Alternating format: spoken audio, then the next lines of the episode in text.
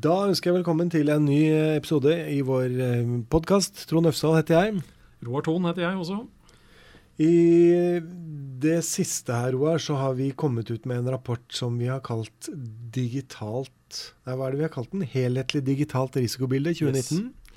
Helhetlig digitalt risikobilde. Den hadde, har hatt flere navn, nemlig. Det er derfor vi snubler litt. Den har det opp igjennom, opp igjennom, men det er jo da vår egentlig faste, faste rapport de senere åra om om det digitale risikobildet som eksisterer. Ja, Hvor vi oppsummerer litt hva vi står overfor i omverdenen, og ja. hva vi må passe oss for. Og ja, og ja. ønsket er jo at flest mulig faktisk leser dette her. Mm -hmm. For den henvender seg i utgangspunktet til ledere og personell med sikkerhetsoppgaver i alle sektorer, i alle virksomheter. Ja, Men dette Også, helhetlig, hva, hva er det? Det er i realiteten at uh, den handler om problemstillinger knytta til alt fra individer, virksomheter og til samfunnet som helhet. Mm. Og at vi også må se dette helhetlig. Dette er jo også noe vi har snakka om tidligere. Ja. Uh, og det som, det som, er en litt sånn greie, da, det er jo at uh, det har vært noen undersøkelser nå nylig som da viser at de rapportene som både PST og NSM og andre lager, de blir til en viss grad satt pris på, men de blir ikke nødvendigvis lest av så mange. Eh, og da snakker vi kanskje spesielt om ledere. Uh, og det er uh, til tider litt sånn egentlig skuffende, fordi i økende grad er ledere bekymret for sikkerhet. Mm. Jo, men de er jo så bekymret at de har i hvert fall ikke tid til å sitte og lese rapporter. men det kan faktisk være en liten løsning, da. Jo, men fordi, det er derfor vi må komme med highlightsene fra disse vi, rapportene. Vi er, ja, så ja. derfor prøver vi at da får de lytte på podkasten isteden. Mm. Det vi sier om situasjonen, er at den digitale risikoen øker. Det blir altså ikke, det er ikke overraskende for folk, vil jeg tro. Nei.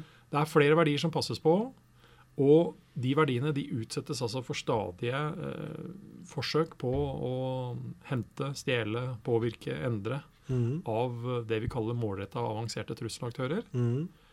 Og det finnes altså betydelige digitale sårbarheter i samfunnet og i norske virksomheter. Men det, hvis man skal si det på et vanlig språk, da, så betyr det at uh, i norsk si, i norsk arbeidsliv så finnes det et sammensurium av gamle og nye dataprodukter som er kobla sammen. Uh, og hvor det er veldig lett å miste oversikten, og det er veldig, veldig vanskelig å se hvor uh, folk med uønskede hensikter kan skape trøbbel. Ja, ja. Og, ikke forstå, og ikke minst forstå at det i økende grad er folk som ønsker å skape trøbbel. Ja, Uansett det, hvordan systemene egentlig er skrudd sammen. Ja, så det er det den digitale, At den digitale risikoen øker, det er det ja. det betyr. da. Ja. Uh, men altså, Vi sier jo også i rapporten her at uh, norske virksomheter faktisk er blitt mer sikkerhetsbevisste. De identifiserer altså flere tiltak som de kan gjøre, og iverksetter også tiltakene raskere enn tidligere. Men i sum da, så mm. ser vi at hovedtrendene er de samme som tidligere år. Ja. Altså den digitale risikoen øker for oss. Ja, Og at man må tenke helhetlig. Ja. Og Det betyr at hvis du da har satset alle pengene dine på superbra, moderne IT-infrastruktur og tipp topp eh, kompetente medarbeidere som vet nøyaktig hvilke passord de skal ha og hvordan de skal opptre, så må du også huske på å ha hatt penger til å låse døra og sette inn vinduer. Ja, ja. Så For dette må henge sammen? Det må henge sammen, rett og slett. En av de andre tingene vi tar opp, er at uh, flere og flere verdier ligger også ute hos utenlandske selskaper som bærer altså norske samfunnsfunksjoner. Altså ting ja. som er viktige for at samfunnet vårt skal fungere. Ja, Så da må vi tenke på sikkerheten der også, ja, da. Verdikjeder. Ja. Uh, det er, det, er, det, helhetlig der òg? Ja, altså der har vi nok mye å hente. Og det å forstå hvem leverandøren din er, og hvem de faktisk har igjen som underleverandør.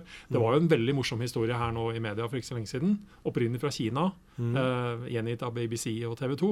Okay. Uh, og det var da også en forretningsmann som var i veldig, lå i konflikt med en tidligere partner.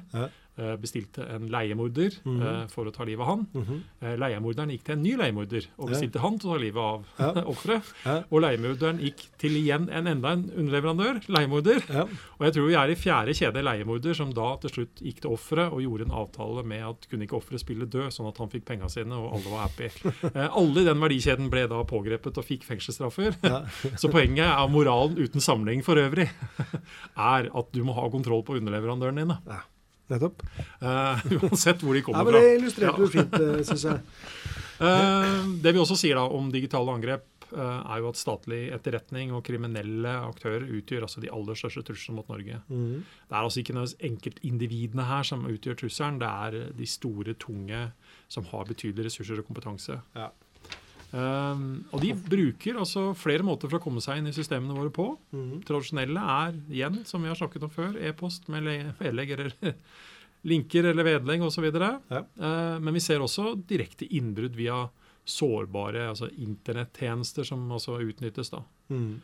Men i all vesentlig grad, menneskelige sårbarheter er også vesentlig her. Altså Man utnytter våre sårbarheter for at vi, som da kanskje allerede sitter innafor, gjør et eller annet vi ideelt sett ikke skulle ha gjort. Mm.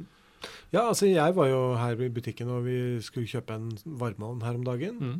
Og da sto jeg og så på alle de hadde på i butikken, og der var jo, da merka jeg jo på meg selv at jeg var mindre lysten på å kjøpe de som hadde wifi, enn på de som ikke hadde det. Ja. Fordi jeg orker ikke det der jeg måtte forholde meg til eh, å begynne å lese en, en bitte liten eh, bruksanvisning om hvordan jeg endrer passord på en ovn. Ja, Men er det ikke smart da å ha en uh om som er wifi-styrt? Som er wifi-styrt fra liksom uh, Bulgaria? Ja, jo. Ja. Nei, men, altså, jeg ikke. Nei, men altså, det, er, det, er, ulike mentaliteter å tenke på. Ja. Men, men jeg, da har du kanskje lært noe den tida du har vært her, da, når du begynner å tenke sånn? Ja, jeg, jeg har begynt å i hvert fall prioritere hva jeg ikke, ikke ja. ønsker. Men er det lettere nå å finne en varmeovn som har det, eller ikke har det? Nei, altså det, ender jo med at jeg blir mer opptatt av å fyre med ved. Men nå er jeg da i mer sånn gubbesegmentet. Ja, ikke sant. Ja. Det ligger mye varme i å skaffe den ved nå. er det ja, sier, ja. ja. Uh, men, men, en annen ting, du var jo allerede inne på det. Vi ser også at utfordringen ligger også med veldig mye eldre, utdaterte tjenester og systemer. Mm -hmm. Mangler oversikt over egne nettverk, rett og slett. Mm -hmm. Uh, men, men, det er jo ikke sånn når vi skriver disse rapportene at vi liksom bare er si, negative heller. Vi kommer jo, forsøker jo også å komme med noen råd og tiltak. Ja, for de eldre utdaterte systemer de er, jo, de er jo ikke der fordi de er eldre utdaterte. De er der fordi man ikke har ressurser til å bytte det ut. Eller det kan være en grunn. De tikker og går uh, ja. og fungerer men, fortsatt. Og, men vi hører fortsatt om nesten historier hvor, altså, hvor, man faktisk ikke visste at man hadde det engang. Nei, nei. Så man har ikke oversikten heller. Nei, nei, hadde man visst det, hadde man kanskje bytta det ut. Jo, jo, men det er, at, det, er ikke så lett å få den oversikten heller. Nei, og det er ikke bare bare. Vi skal ikke kimse av det at det er liksom det å få de pengene for å erstatte dette, er ikke, er ikke bare bare. Så yes.